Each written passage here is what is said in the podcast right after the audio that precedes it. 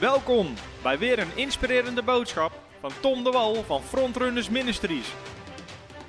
We bidden dat je via deze aflevering geïnspireerd wordt in je leven met God en opgebouwd wordt in je geloof. Nogmaals van harte welkom bij Voice of Faith. En we zijn bezig met de serie over mijn nieuwe gratis boek, wat twee weken terug is uitgekomen. Woorden van geloof, over de kracht van woorden. En vanavond is Gerard de Groot, uh, is bij mij. Dus Gerard, nogmaals uh, welkom. Dankjewel Tom. En uh, ik, uh, toen ik dit boek schreef over de kracht van woorden, woorden van geloof. Als je hem nog niet besteld hebt, bestel hem gewoon even gratis in onze webshop. Dan ben je zo'n boek aan het schrijven en dan uh, denk je altijd, ja, wie gaat het voorwoord schrijven voor mijn boek? Voor mijn boek Bidden is ontvangen wist ik meteen, daar moet ik Herman Boom voor hebben natuurlijk, over gebed. Mijn boek over genezing, Martin Kornstra. En toen dacht ik, ja, voor woorden van geloof is er eigenlijk maar één iemand in Nederland. En dat was meteen Gerard de Groot. Dus ik moest meteen aan jou denken, Gerard. Ja, mooi, dankjewel. En, en je zag het zitten, gelukkig. Ja, ja. En uh, jij bent ook wel iemand die bekend staat in Nederland om het onderwijs van de kracht van woorden. En ja. de uitspraak, alles begint met een woord. En je hebt heel mooi onderwijs, daar echt door openbaring ontvangen in je leven. Dus daar gaan we het vanavond gaan we het heerlijk over hebben. De vorige uitzending heb ik, uh, heb ik een fundament neergezet. En de vorige uitzending, om heel even kort samen te vatten, ben ik eens uit gaan leggen waarom zit er nou kracht in de woorden die we spreken. Dat is ook het eerste hoofdstuk in mijn boek. En wat ik zeg in mijn boek is, er zit kracht in de woorden die we spreken, omdat we gemaakt zijn in het beeld en gelijkenis van God. En God is een sprekende God, God is een scheppende God. En ik heb drie gelijkenissen opgenoemd. Nummer één, we zijn allemaal een geestelijk wezen. Je hebt een lichaam en je hebt een ziel, maar je hebt een geestelijk wezen. Je bent ook nog eens een keer een sprekende geest. Je hebt de mogelijkheid gekregen om te spreken. En je bent een sprekende geest met autoriteit. Want God gaf in Genesis 1 vers 26, hij gaf heerschappij, hij gaf autoriteit aan de mens. En dat zit onder andere verbonden aan onze woorden. En toen hebben we even gekeken naar het stukje de geestelijke wereld. Want omdat we geestelijke wezens zijn, betekent ook dat onze woorden gehoord worden in de geestelijke wereld. En niet alleen de natuurlijke wereld. Toen hebben we gekeken naar wat er allemaal gebeurt als we spreken. Dat God het hoort, Jezus hoort het, de Heilige Geest hoort het. Maar de engelen horen het, de demonen horen het en de duivel hoort het. Zelfs natuurlijke omstandigheden horen het. En andere mensen horen het natuurlijk. Nou, die zeven gebieden zijn we de vorige uitzending ook ingegaan. Dus weer even om samen te vatten. En uh, nu, vanavond Gerard. Boeiend. Over, uh, boeiend. Het is Ja. een heel boeiend thema. Geweldig. Woorden van geloof. Ja. Zou jij ons vanavond een beetje willen meenemen vanuit jouw openbaring, jouw ervaring over dit thema? Het is een thema wat heel erg aan je hart ligt. Absoluut. Hoe is dat begonnen? Misschien is dat eens een goede vraag om mee te, om mee te beginnen.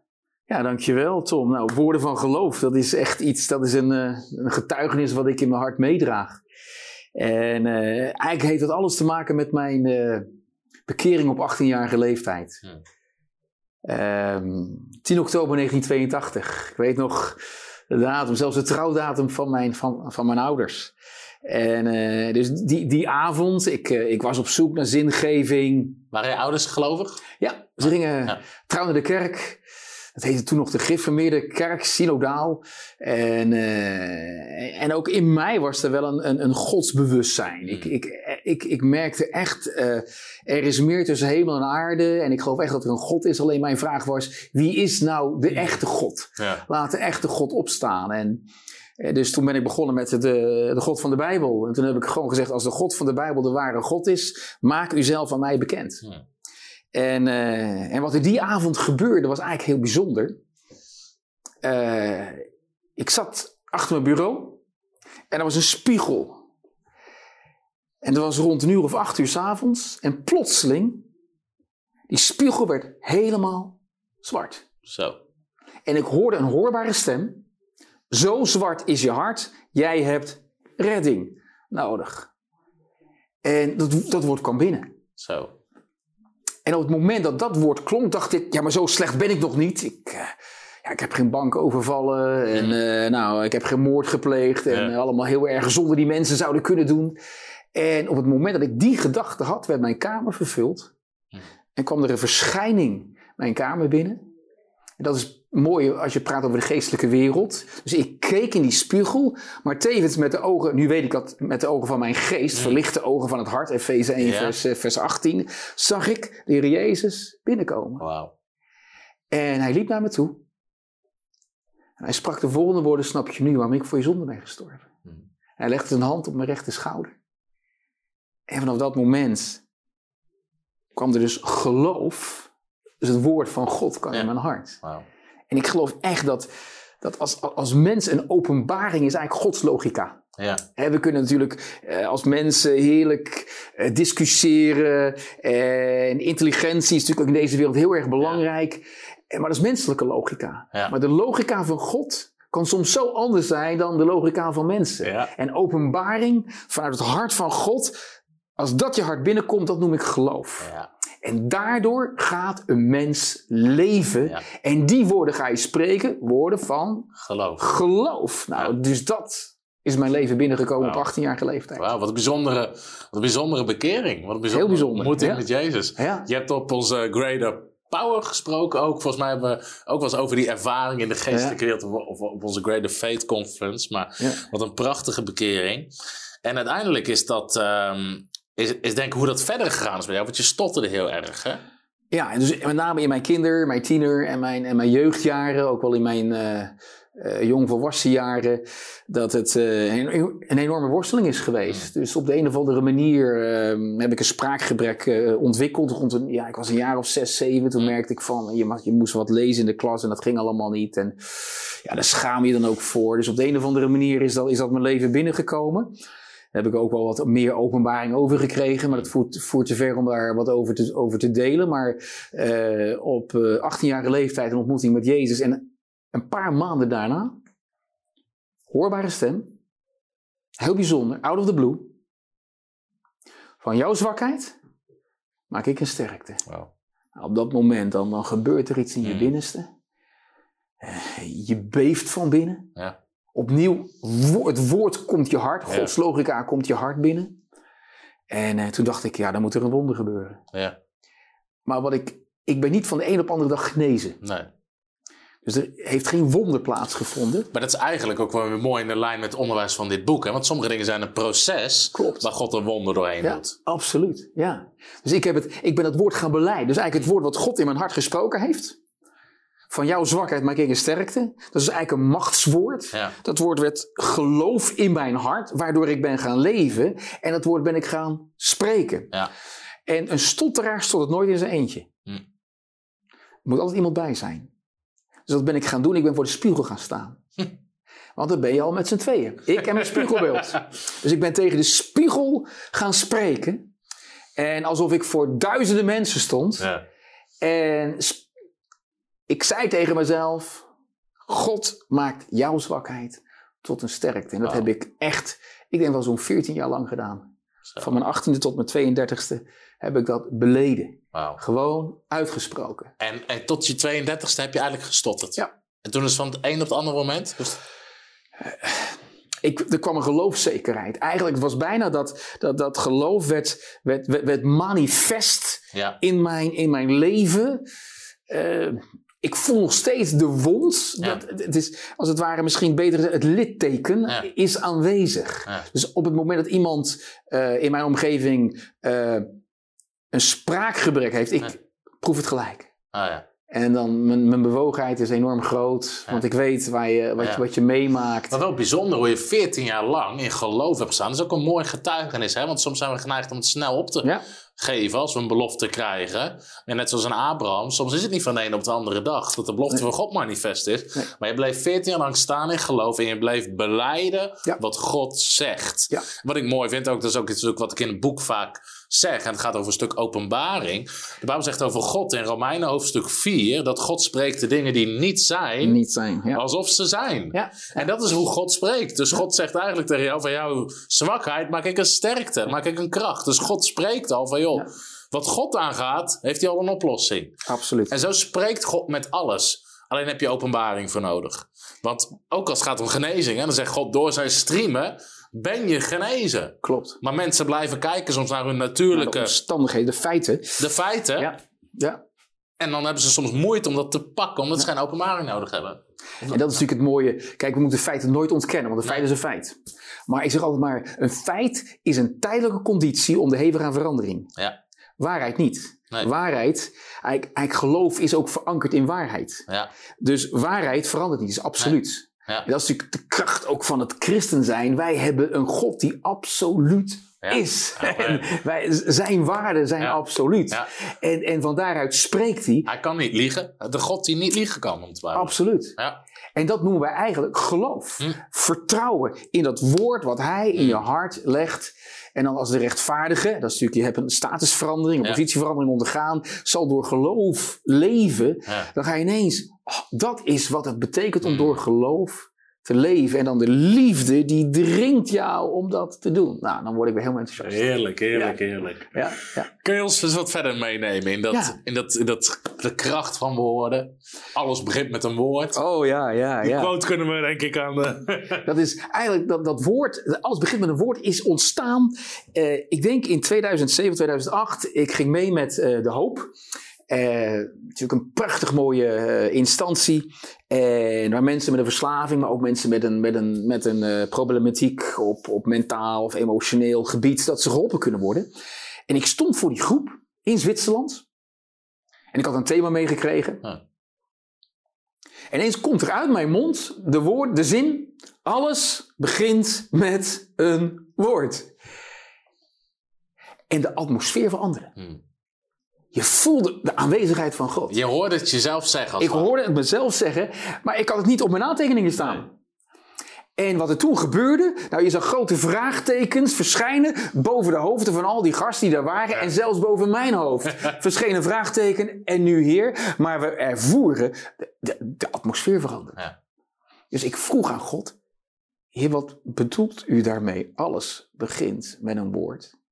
En toen werd ik bepaald bij Johannes hoofdstuk 1. Ja. In de beginnen Was het woord. het was het woord. En het woord was bij God en het woord was God.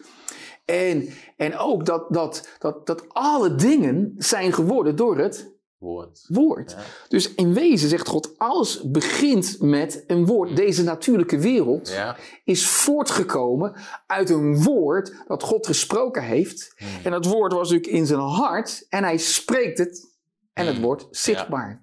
En toen zei ik tegen die gasten van de hoop, jouw ontsporing en de reden waarom je hier zit in Zwitserland is begonnen met een woord. Hmm. En toen begonnen ze na te denken.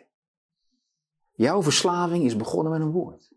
Want je bent in een leugen gaan geloven. Hmm. Je hebt een woord gehoord. Niet het woord van God, maar het woord van de vijand. Daarom is het zo belangrijk dat we het woord van God gaan horen. Want alles begint met een woord en nu komt het. Voor de grondlegging der wereld Hmm. heeft God de bestemming. En eigenlijk betekent dat identiteit en missie. Identiteit wie je bent en missie, reden van je bestaan, heeft God al bepaald voor de grondlegging van de wereld. Toen jij was in het hart van de Vader, was nog niet zichtbaar in de natuurlijke wereld, want had nog niet plaatsgevonden in de natuurlijke wereld, maar in de geestelijke wereld was zij al aanwezig in het hart van God. En toen heeft God al jouw identiteit en je missie, dat is dus je bestemming, heeft hij dus uitgesproken. En wat nou zo krachtig is, als alles begint met een woord, het woord bepaalt je denken. Ja. Denken, je emoties. Ja. Vanuit je emoties ga je keuzes maken. Dan komt daar een bepaald gedrag.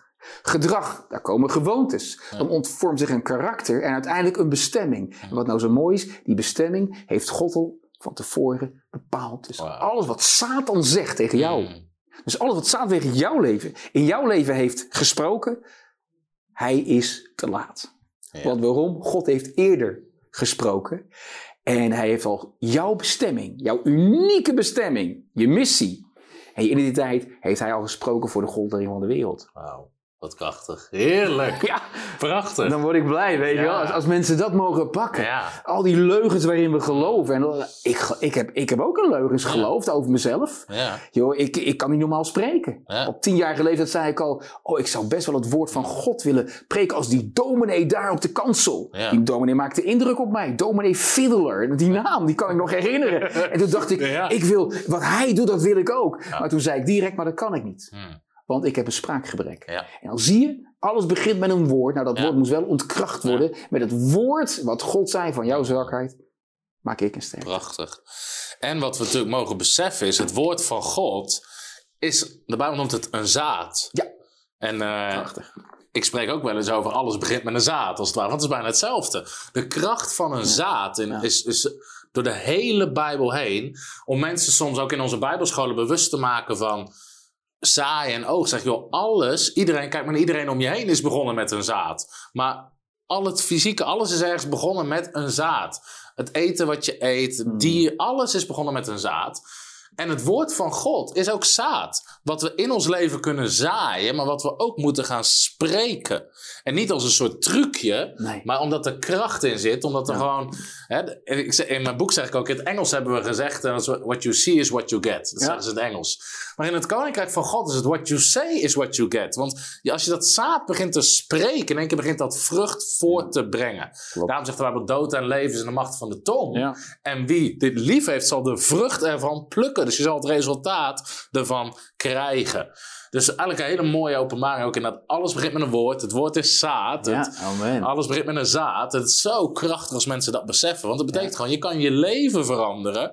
Als je begint te veranderen wat je zegt. En als je Klopt. begint te veranderen wat je spreekt. Absoluut. Ja. Even. Mensen die nu luisteren. Er zijn mensen die op dit moment luisteren. Die staan op een kruispunt. En de wissel gaat om in je leven. En op dit moment.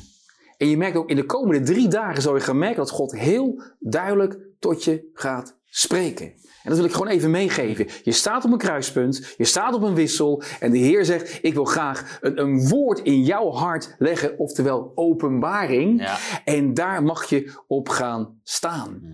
Ik ook een moment in mijn leven, dat, dat is eigenlijk in, eh, eh, ik geloof maart eh, of april 2019 geweest. Toen, toen belde Wilke van de Kamp mij op. En die zei van, Gerard, denk er eens over na om die zomerweek voor te zetten. Mm. En toen dacht ik, ja, dat is wel, ik ben voorganger, is een hoop werk. En ik dacht van, Ja. heftig. Maar wat een goed gesprek. Ik zei, joh, ik denk erover na. Ja. Ik neem het mee en wat gebeurt er? Ik loop naar de tafel. Daar ligt een boek, of er liggen allemaal boeken, want Lydia was bezig met, met schrijven, er allemaal boeken had ze op de tafel liggen. En, eh, en wat gebeurde er? Ik pak één boek en blijkt dat het boek van Wilkin zelf te zijn. Gebonden om vrij te zijn, geloof ik, heet het. Ik open dat boek, allemaal onbewust eigenlijk, Ja. en met de hand geschreven staat er, gegrond en geworteld in de liefde van God, opent God nieuwe deuren. En toen dacht ik, hoe kan God dat nou allemaal bij elkaar brengen? Ja. Maar dat wo- woord, opent God nieuwe deuren, dat komt je binnenste. Ja.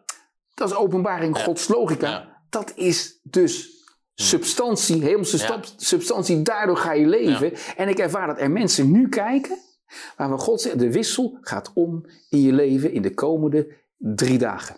Amen. Krachtig. Ja, Prachtig. En het is inderdaad echt, dit zijn de openbaringen. De rechtvaardige zal leven door geloof. Dus je hebt die openbaringen nodig, waardoor je kan doen eigenlijk ook wat anderen niet kunnen doen. Want als God spreekt, zorgt dat voor geloof.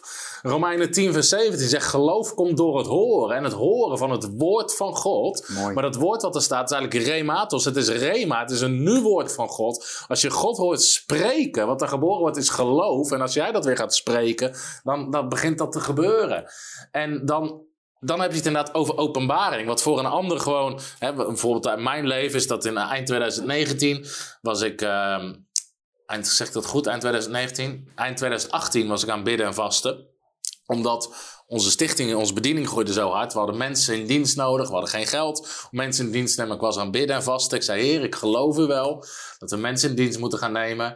En ik hoorde de stem van God. En die zei, Jezaja 51 vers 2. Hmm. En ik zocht het op en er stond, kijk, aanschouw uw vader Abraham. Want toen hij alleen was, riep ik hem. Maar ik zegende hem en maakte hem talrijk. Ik maakte hem met velen. Ja, en toen, dat, toen ik dat las, was het inderdaad boem. En in één keer wat de wat je in één keer pakt ook, is in één keer een stuk gave van geloof. Want Mooi. God spreekt, je pakt dat beter. In één keer wist ik, ik ben alleen begonnen. Toen God me riep, was ik alleen. Maar God gaat ons zegenen en met velen maken. Nou, in 2019, januari, namen we de eerste aan. Dat was drie weken later. Lambert die hier zit, die kwam eh, een paar maanden later. mooi. En nu zitten we met eh, elf mensen in dienst binnen de stichting. En we zijn nog meer mensen aan het Geweldig. aannemen. Maar ik kan niet twijfelen om salarissen te betalen. Want iedere keer dan denk je, ja, maar God, maakt, God zegent ons en maakt ons talrijk. Dus dat woord wat God spreekt, dat begin je, daardoor ga je leven. Dat gaat het veranderen. En dat is ook altijd wat je beleidt. We zijn, met, we zijn alleen begonnen, maar God zal ons zegenen en talrijk maken. En er zit gewoon kracht in, want het is iets wat God gesproken heeft tot je leven. Dus die persoonlijke openbaringen zijn zo belangrijk in ons leven, dat het woord echt gaat leven. Ja. Want je bent, weer, je bent wat je spreekt. Ja. En, uh, en, en wat je beleid is wat je krijgt. Ja. En, dat is wel, wel heel krachtig. En wat een ander mooi principe is, is dat woorden zijn containers. Hmm. En, en ik weet, het kan zijn dat je container leeg is. Gewoon, het is een, het is een, het is een woord die je spreekt en het heeft eigenlijk weinig effect. Ja. Maar zo kunnen er ook woorden zijn gevuld met, met, met, met geloof. Ja. Of met ongeloof. Ja. En, en, en, dan is het belangrijk, op het moment dat het woord gevuld is met geloof, merk je ook dat de Heilige Geest begint te werken. Mm. En dat de atmosfeer verandert. Ja. En, en, dat raakte me een keer, dus, dus eigenlijk al een hele lange tijd geleden. Eh, ik was een jeugdleider van een uh, jeugdgroep in Rotterdam, Rotterdam-Zuid. En er waren heel wat jonge mensen tot bekering gekomen. Dus die namen we mee naar Amsterdam, want Benny Hinn zou spreken. Hm. En in die tijd was Benny Hinn voor mij best wel een voorbeeld. Met name dat boekje Good Morning Holy Spirit, zijn onderwijs over de Heilige Geest. En ja, dat, dat, dat, raakte me. En dan hoef je niet altijd met iemand uh, over, over, alles eens te zijn. Maar je voelde van, hé, hey, deze man heeft opnieuw weer een stukje openbaring ontvangen. Dus met elkaar, met de trein naar Amsterdam. En de voordienst was nou eigenlijk waardeloos. Hm. En dus die gasten, een stuk of vijftig die we hadden meegenomen, die begonnen onrustig te worden. Ja. En uh, ik moest bijna politieagentje spelen.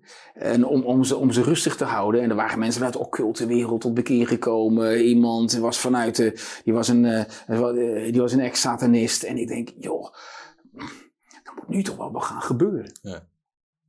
En na twee uur, plotseling ineens, die hele atmosfeer verandert. Ja. En iedereen proeft het. En wat gebeurde er? Benny Hinn komt het podium op en hij zegt één woord. Halleluja. En op het moment dat hij dat woord uitspreekt, halleluja, die hele zaal met duizenden mensen voelt de aanwezigheid van God. En op dat moment, een jonge man, ja, het is niet zo netjes wat ik nu ga zeggen, hij zegt, een poot, oftewel zijn been, wordt aangeraakt. En hij begon te stampen met zijn been, want er was iets met zijn been. Hij zei, het is genezen. Het is genezen. Dus er begon op dat moment ja. wonderen plaats te vinden. Hmm. En wat ik dan zo mooi... Dus eigenlijk vanuit de intimiteit van de spreker met God. Hij spreekt het woord halleluja. De Heilige Geest. Die wordt eigenlijk vrijgezet op het moment dat dat woord wordt gesproken. De atmosfeer verandert, is een glorievolk. En mensen worden spontaan aangeraakt in die arena. Kippenvel. Ja. Nou, en toen we naar huis gingen met de trein, nou, de hele trein heeft, heeft moeten weten dat Jezus leeft. Want iedereen werd aangesproken. Oh, Heb jij al Jezus ontmoet? Heb jij al Jezus ontmoet? En uh, nou, dat zijn van die momenten die je niet meer vergeet in je leven. Maar dat woorden, dus de atmosfeer. Ja. Ja, en dat zegt ook iets over dat woorden kunnen zalving bevatten. Hè? En dat is de kracht van de Heilige Geest, geloof. Ik vergelijk dat wel eens om soms aan mensen uit te leggen. Hè, wat is nou het verschil tussen een bediening. Kijk, bijvoorbeeld, als je kijkt naar, naar je hebt een, kerk, hè? Je hebt, laten we zeggen, je hebt gewoon een zondagochtenddienst, zondagavonddienst. Je kan een hele lieve broeder hebben die een bijbelstudie houdt of een preek houdt over genezing. Maar er gebeurt relatief weinig daarna. En je kan iemand hebben die vanuit geloof en de kracht van de Heilige Geest en een zalving daarvoor precies hetzelfde preekt, maar er gebeuren in één keer allemaal wonderen. Want er zit een verschil in de zalving die woorden dragen. Ja. En, en dat is goed om te beseffen dat woorden beïnvloeden de hele atmosfeer. Dus het is ook belangrijk om in de atmosfeer woorden van geloof te spreken. En weet je, zelf doe ik dat ook altijd. En in genezingsdiensten en in bevrijdingsdiensten. Maar dan begin je heel vaak met: vandaag is jouw dag om genezing te ontvangen. Vandaag is jouw dag om vrij te komen. Dit is je laatste dag onder het juk van de Satan. Je begint iets te spreken, omdat je iets begint open te breken. Omdat die mensen soms al zo lang daarmee zitten, omdat ze dat altijd gehoord hebben en zich niet eens iets kunnen voorstellen. En dan moet je dat open gaan breken in die geestelijke wereld. Er is daar een strijd gaande. En dan zie je eigenlijk ook hoe die hele geestelijke wereld betrokken is. Absoluut, ja. En eh, het meest sim- je kan dat op verschillende dingen. Maar als je bijvoorbeeld in een gemeente spreekt, je begint te spreken gewoon over financiën en vrijgevigheid. Je merkt heel veel, er gebeurt in één keer iets. Omdat heel veel mensen gaan op slot, worden zenuwachtig, krijgen een aversie.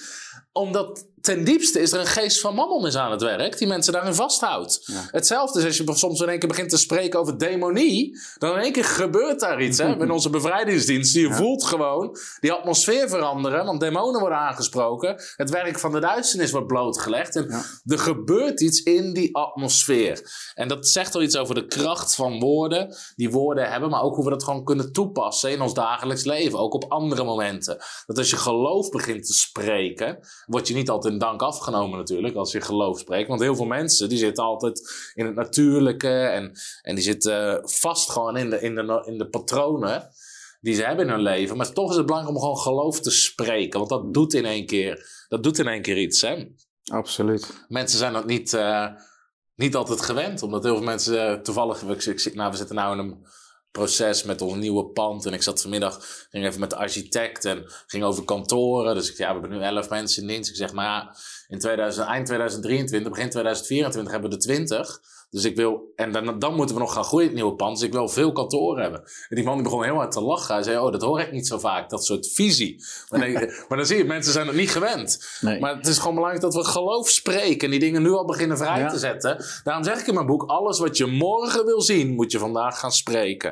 Want je bent aan het zaaien in de geestelijke wereld. Ja. En eh Gerrit, je hebt ook een stuk, ik heb ook een heel hoofdstuk in mijn boek erover, maar ik heb vorige keer ook iets over gezegd, maar Jezus als hoge priester van Ja. onze beleidenis. Ja, Kun je ons daar eens een beetje in meenemen? Nou, het is natuurlijk een heel, heel, mooi, heel mooi, Ja. mooie tekst hè? uit Hebreeën hoofdstuk 3, vers, eh, even kijken hoor, vers, eh, vers 1. En dan staat er daarom, heilige broeders, deelgenoten aan de hemelse roeping. Dat vind ik al wel mooi, dat het een hemelse roeping is waarmee we geroepen zijn.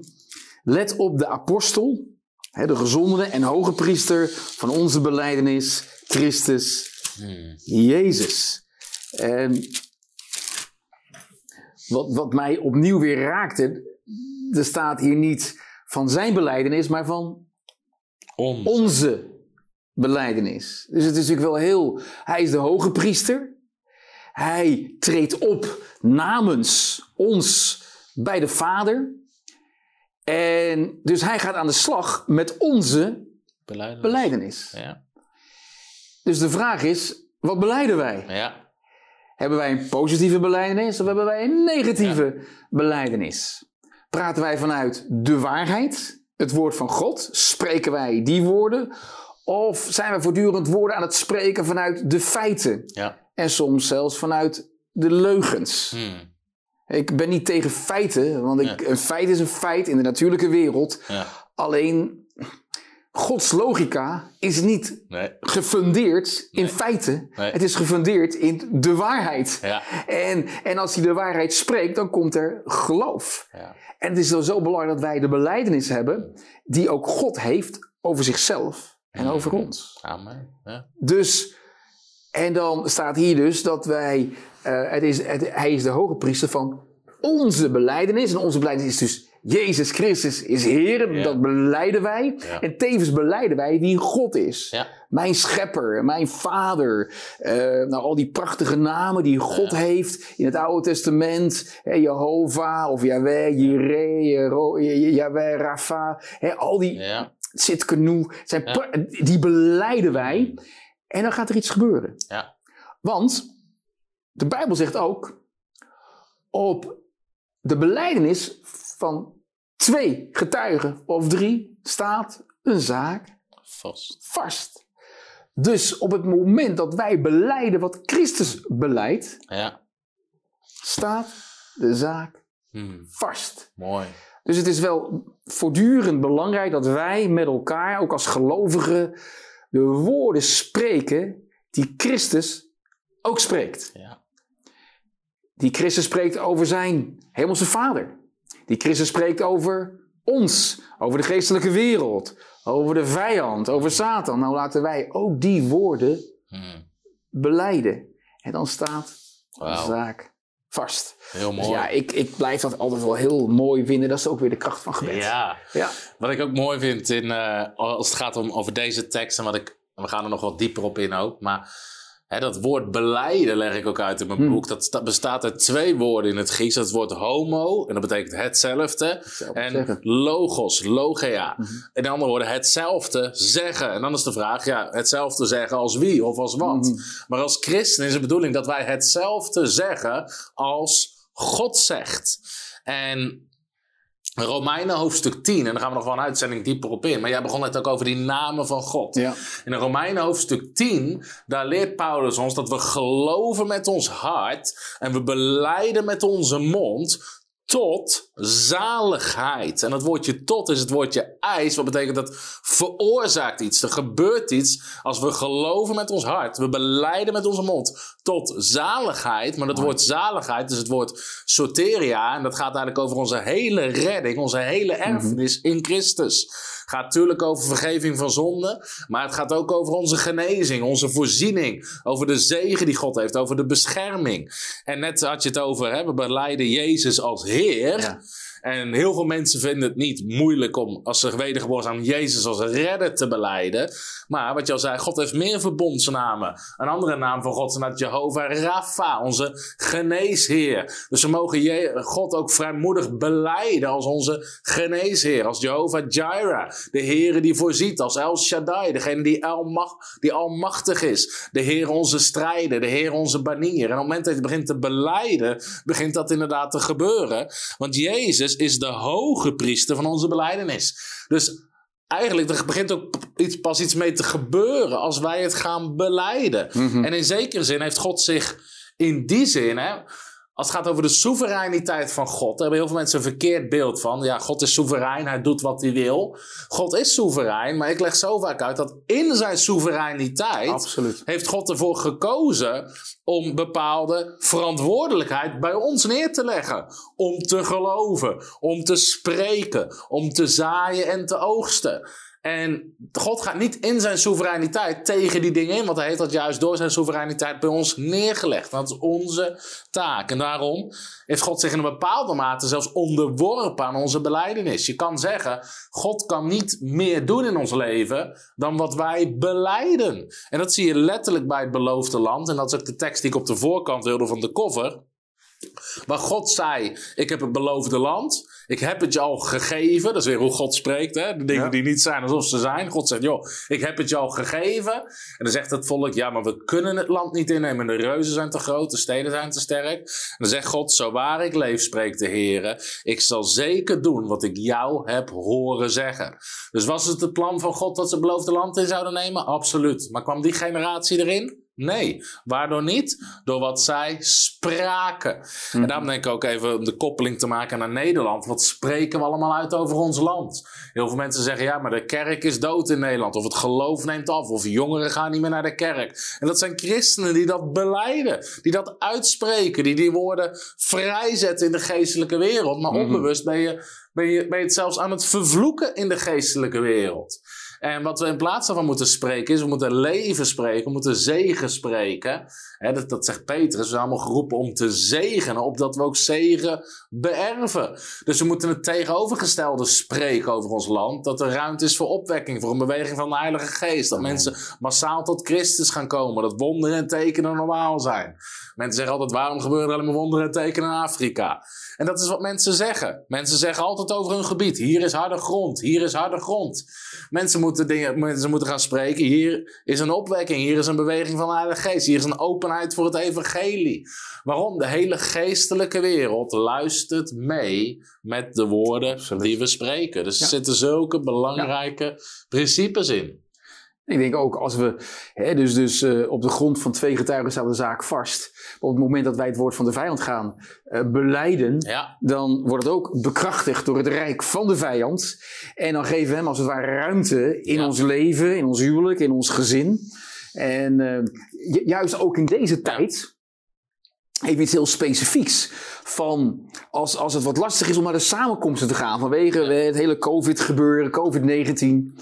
Maar ik, ik, ik dacht, ik, ik, ik werd erbij bepaald ook afgelopen week. Vaders, sta op. Hmm. Neem de tijd om eens even samen met je vrouw te bidden. Ja. En, en, en, en, en heb die tijd met God. eh, Neem een dagboek en, en, en ga daar samen mee aan de slag. En als je kinderen hebt, heb een geweldige samenkomst met de kinderen thuis. Waarom heb je daar alleen maar de, de voorganger of predikant of priester of dominee voor Ja. nodig? Jij als vader. En als, als er geen vader is, de moeder, die kan dat ook, doen- ook doen. Je, je neemt je verantwoordelijkheid en je gaat thuis een geweldige samenkomst houden, avondmaal vieren, eh, bidden met elkaar, eh, je beleidenis. eh, wat zijn onze beleidenissen? Je gaat ze opschrijven. En, eh, want waar twee of drie vergaderd zijn in, in mijn naam, ik ben daar, zegt de Heer. Opnieuw een krachtig beleidenis. Dus daar ben ik eigenlijk bij bepaald van, laten wij geen slachtoffer zijn van, ja, we kunnen niet naar de samenkomst. En nou ga thuis een samenkomst organiseren. En, en vaders, pak je verantwoordelijkheid.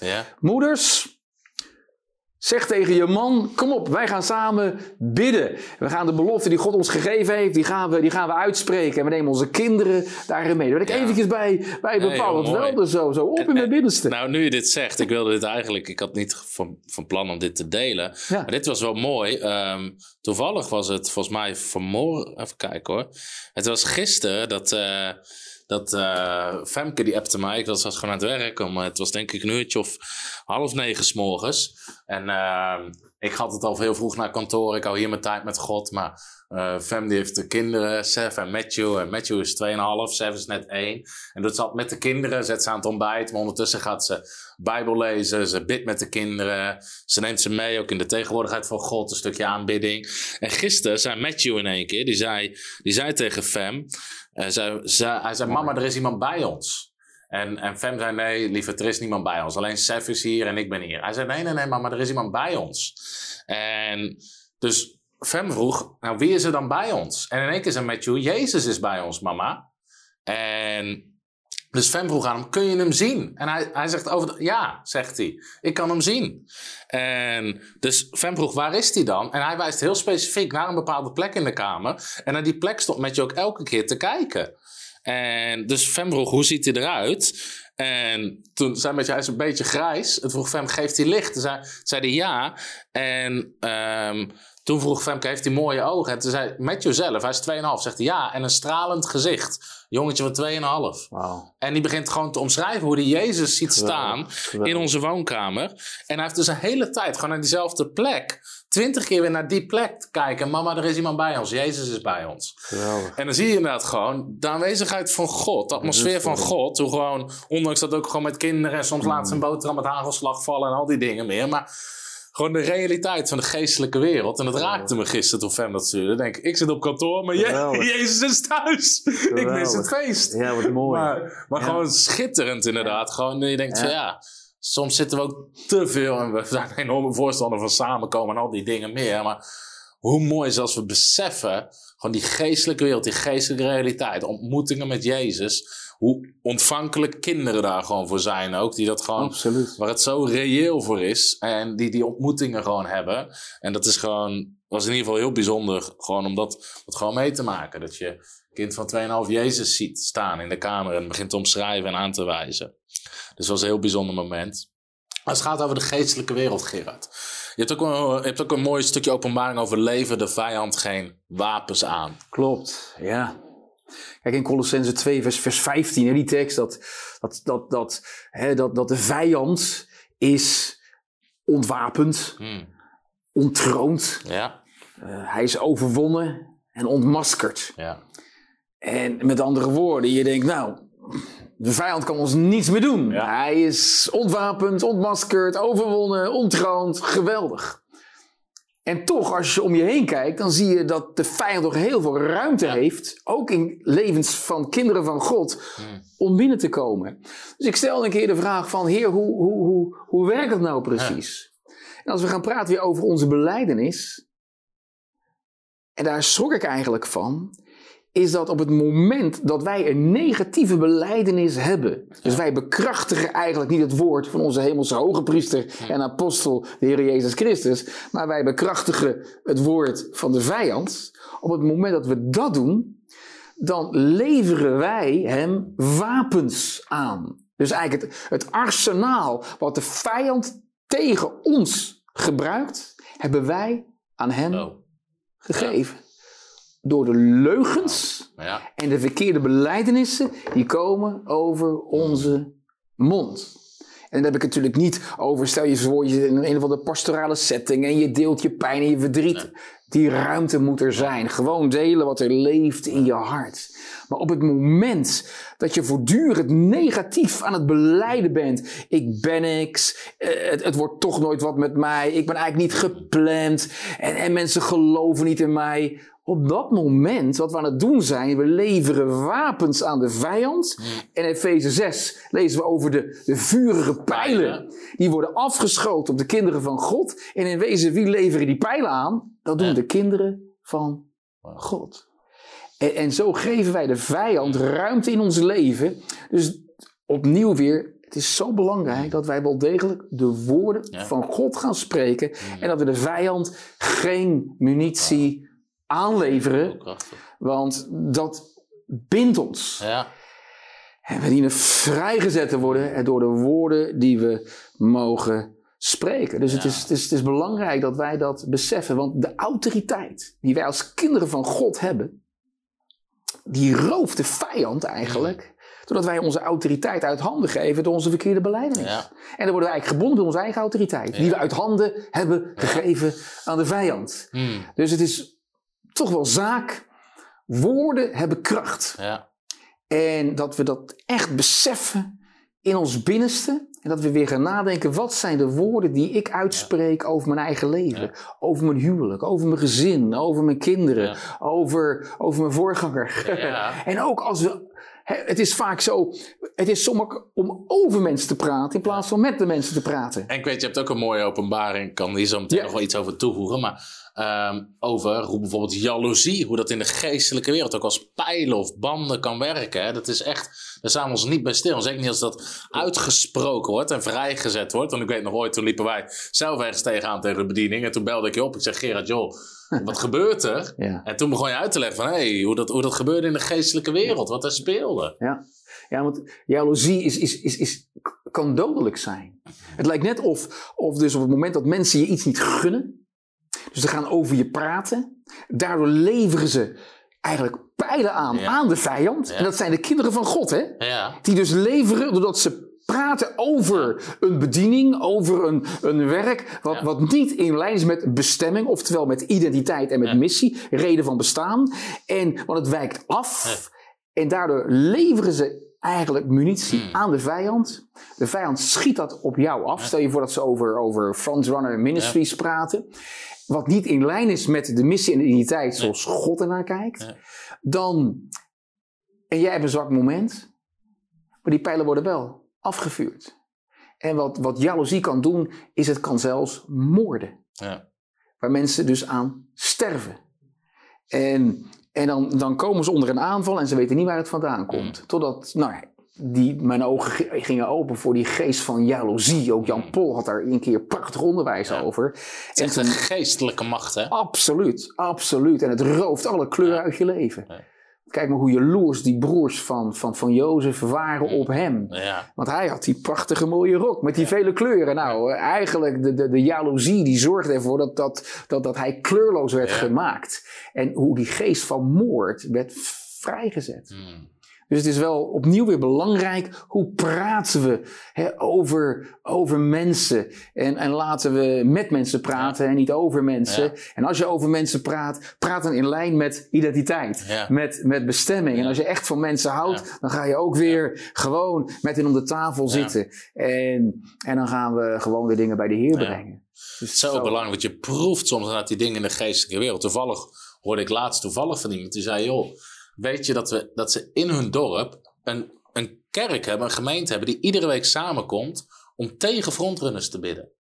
ja. En dan denk je, ja, dat soort. Ja. En het werkt als toverij in de geestelijke wereld. En je weet, als je onder de zegen bent, je bent beschermd. Hè, de Bijbel zegt een vloek die geen grond heeft. Klopt. Die komt niet aan, dus je hoeft er absoluut niet bang voor te zijn. Maar mensen hebben niet door wat ze doen in de geestelijke wereld.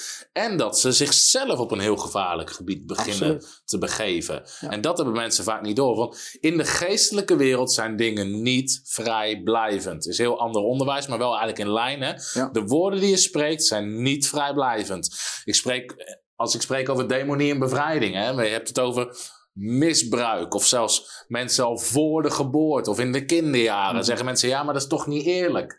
Dan zeg ik dan, nee, maar de duivel is niet eerlijk. En de geestelijke wereld werkt niet, niet met ons begrip van eerlijk en moraliteit. De duivel is een moordenaar, hij is een dief, hij is een misleider. En alles wat hij aan kan grijpen, grijpt hij aan. Maar de geestelijke wereld is niet vrijblijvend. Jouw handelingen hebben gevolgen in de geestelijke Ja. wereld. Jouw woorden hebben gevolgen in de geestelijke wereld.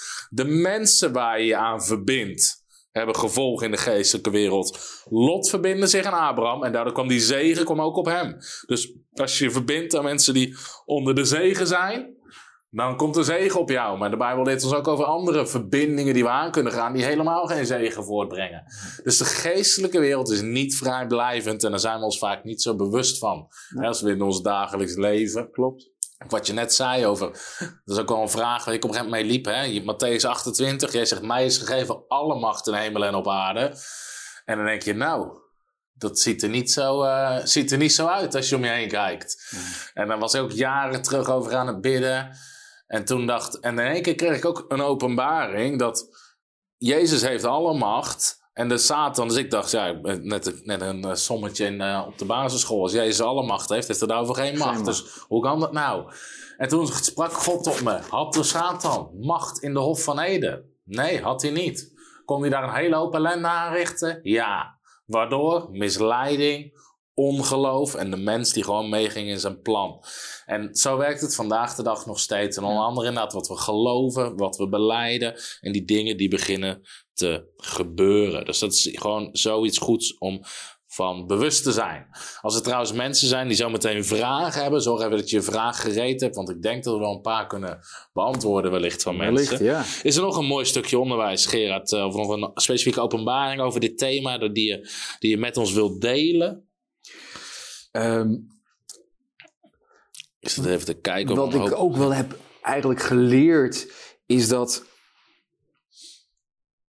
dat je leert te spreken vanuit bestemming. Hmm. En de bestemming is al door God bepaald voor de grondlegging van de wereld. Dus de bestemming van, van Tom, jouw bestemming, Ja. de bestemming van je vrouw. God heeft jullie samengebracht, dus van jullie huwelijk, van Frontrunner Ministries, is eigenlijk al bestemd voor de grondlegging van de wereld. En als alles begint met het woord, dan dienen wij eigenlijk die woorden. En dat, daar is openbaring dan weer heel belangrijk. En wanneer krijg je openbaring in de intimiteit? En ook wel heel spontaan of door een profetisch woord die je leven binnenkomt. Dan, dan, dan gaan we leren om van daaruit te spreken. En dan ga je er ook, dan ga je op die manier ook denken. En dan gaan er emoties bij komen, waardoor je ook goede keuzes gaat maken. Want mensen willen vaak hun gedrag veranderen. Maar om je gedrag te veranderen, moet je eventjes, je moet terug, als het ware, naar de, de, de, de keuze die je hebt Ja. gemaakt. Je moet terug naar die emotie die aan de Ja. grond liggen. Je moet terug naar het woord wat je bent gaan geloven. En als het een verkeerd woord is, dan moet je je van bekeren. En Gods woord over je leven gaan uitspreken. Want dan kan er weer Gods gedachten in je leven binnenkomen, Gods logica. Daar gaan emoties bij komen. Vanuit die emotie ga je kiezen en ga je een bepaald gedrag vertonen. Dus als mensen zomaar hun gedrag willen veranderen, ik zeg je zal toch moeten beginnen bij het begin en dat is bij een woord. En laat dan het woord voortkomen uit de bestemming. Oftewel je unieke identiteit, een geliefd kind van de hemelse vader, die specifieke opdracht die bij jou past, eigenlijk je geboorterecht, wat jij in bezit mag gaan nemen, jouw beloofde land, ga van daaruit spreken. En als dan mensen zeggen, ja, maar hoe weet ik dat nou? Eh, Eigenlijk is het zo eenvoudig, want het, het past gewoon bij je. Ja. En, en, en net zoals ja, Frontrunner Ministries. Hè, jullie, als ik, als, ik, als ik gewoon kijk in de geest, zie ik een heel groot zwaard. Opnieuw, het zwaard is het woord van Ja. God. En dat is nou net waar jullie bediening voor staat. Om het woord van God recht te snijden. Zodat het het hart van mensen binnenkomt. Ja. En het ook scheiding brengt. Waar Hebreeën 4 over spreekt. En dat is precies wat deze bediening doet. Hmm. De bediening van het zwaard. Ja. En, en, nou dan, dan, en van daaruit mag je dan Ja. spreken. Ja. Dus daar wil ik mensen echt mee bemoedigen. Ga spreken vanuit je bestemming, je unieke identiteit. En ook die specifieke opdracht die bij jou past. En als het goed is, weet je die diep van binnen, want dat heeft God in je gelegd, al voor de grondlegging van de wereld, die de vijand natuurlijk wil gebruiken, doordat jij in de leugen gaat geloven en daardoor als het ware zijn rijk wordt bekrachtigd. Maar de Heer zegt, nee, mijn woord is altijd eerder geweest, dus ga Gods woord beleiden, zodat je kan gaan wandelen in de bestemming die Hij voor jou heeft.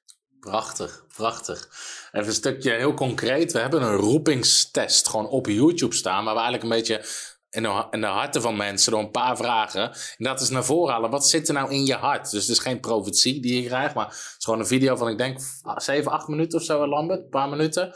En het helpt je gewoon heel leuk. Dus als je zoekt op frontrunners roepingstest of Tom de Wal roepingstest, dan vind je die. Mooi. En dat gaat je gewoon helpen. Want inderdaad, heel veel mensen zeggen, maar wat is mijn roeping dan? En daarom is het zo mooi wat Gerard zegt. Ik heb ook ontdekt, het ligt heel dicht bij wie je zelf bent. Absoluut. Want God gebruikt wie jij bent. Ja. Dus voor ons, weet je wel, front, wat je doet moet in lijn zijn met, uiteindelijk met wie je bent. En weet je, ook in mijn verleden waren er heel vaak mensen die zeiden, ja, maar je moet niet zo radicaal... Het is ook wel een bijzondere ervaring nog uit de geestelijke wereld, Mhm. die, die ook wel een lijn is. Al die ervaringen in de geestelijke wereld, dat is bijzonder hoe dat gebeurt. Maar op een gegeven moment waren er jarenlang mensen. Als ik begin te preken, is snel. Het is geloof, het is radicaal. Het is dit is wat het is, dit is wat er staat, dit is wat we gaan doen. En niet te veel compromis, gewoon lekker recht toe, recht aan. En heel veel mensen zeggen: maar je bent te radicaal. Je moet het, weet je, je moet, je moet minderen, je moet niet zo radicaal zijn, je moet met dingen minder recht zeggen. En, en op een gegeven moment, al die woorden begonnen mij te beïnvloeden. Dus ik merkte, ik begon op een gegeven moment anders te preken. Weet je, dat je voorzichtiger wordt met wat je zegt en hoe je het zegt en, en waarom. Terwijl dat is niet mijn roeping om dat te doen. En ik weet, op een gegeven moment werd ik uitgenodigd in een, eh, in een gemeente. En het was op zondag en ik zat op zaterdag, zat ik, eh, ja, zat ik, ik zat lekker te vissen. En, ehm, en ik, ik was wat andere dingen aan het regelen. En in één keer, ik was daar mijn preek aan het voorbereiden. En in één keer was ik mijn stem kwijt. Ik kon niks meer zeggen. Niet dat ik schor werd en eh, dat ik in één keer van één op dat moment, ik kon niks meer zeggen. Ik kon geen woord uitbrengen. En ik hoorde de stem van God. Die zei: Je stem is geroofd. Hm. En al die invloeden en al die dingen kwamen in één keer langs. Dat mensen zeggen: Je moet niet zo radicaal, je moet voorzichtig. Je moet mensen meer dit en meer dat. En doe nou dit en doe nou dat. En in één keer, God sprak: Je stem is geroofd. En ik kon letterlijk niks meer zeggen. En God vroeg me: Ga je weer preken zoals ik het van je vraag? Ga je eigenlijk gewoon weer zijn wie je bent? En toen beloofde ik aan de Heer, ik zei, ja, ja, dat gaan we weer doen. Amen.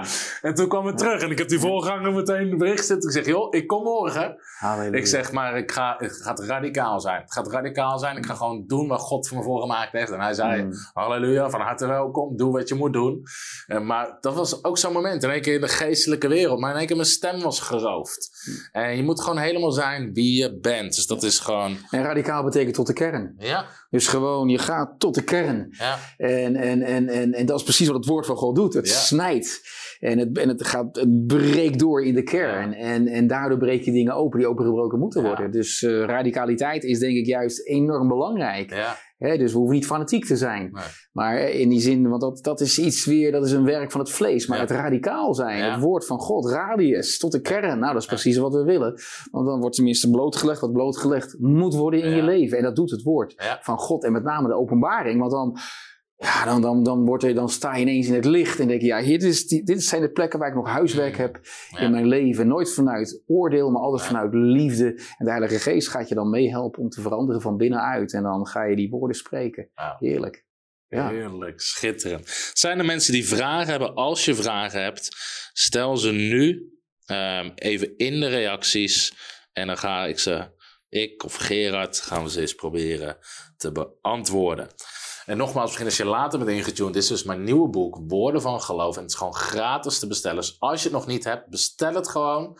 Eh, samen met nog een ander klein boekje, Schild van Geloof, wat uit is gekomen. Maar al onze boeken zijn gratis. Ga gewoon naar www.frontrunners Ministries en deel het ook uit. Je kan het ook gewoon uitdelen in je. Misschien heb je een gebedsgroep, heb je een community, heb je een live groep of hoe je het ook noemt, een thuisgemeente, waar je het ook uit kan delen. Daarvoor willen we gewoon het woord van God willen verspreiden. Dus als je eh, vragen hebt of als je, als je het gewoon wil uitdelen, eh, deel het gewoon lekker uit. En ik wacht even tot er een paar vragen zijn. Verder wil ik je natuurlijk van harte uitnodigen. Als je nog geen partner bent van Frontrunners en je wil ons helpen gewoon om dit soort onderwijs te verspreiden. Je merkt, hey, dit raakt mijn hart. Ik wil meehelpen om hier meer mensen mee te bereiken in Nederland.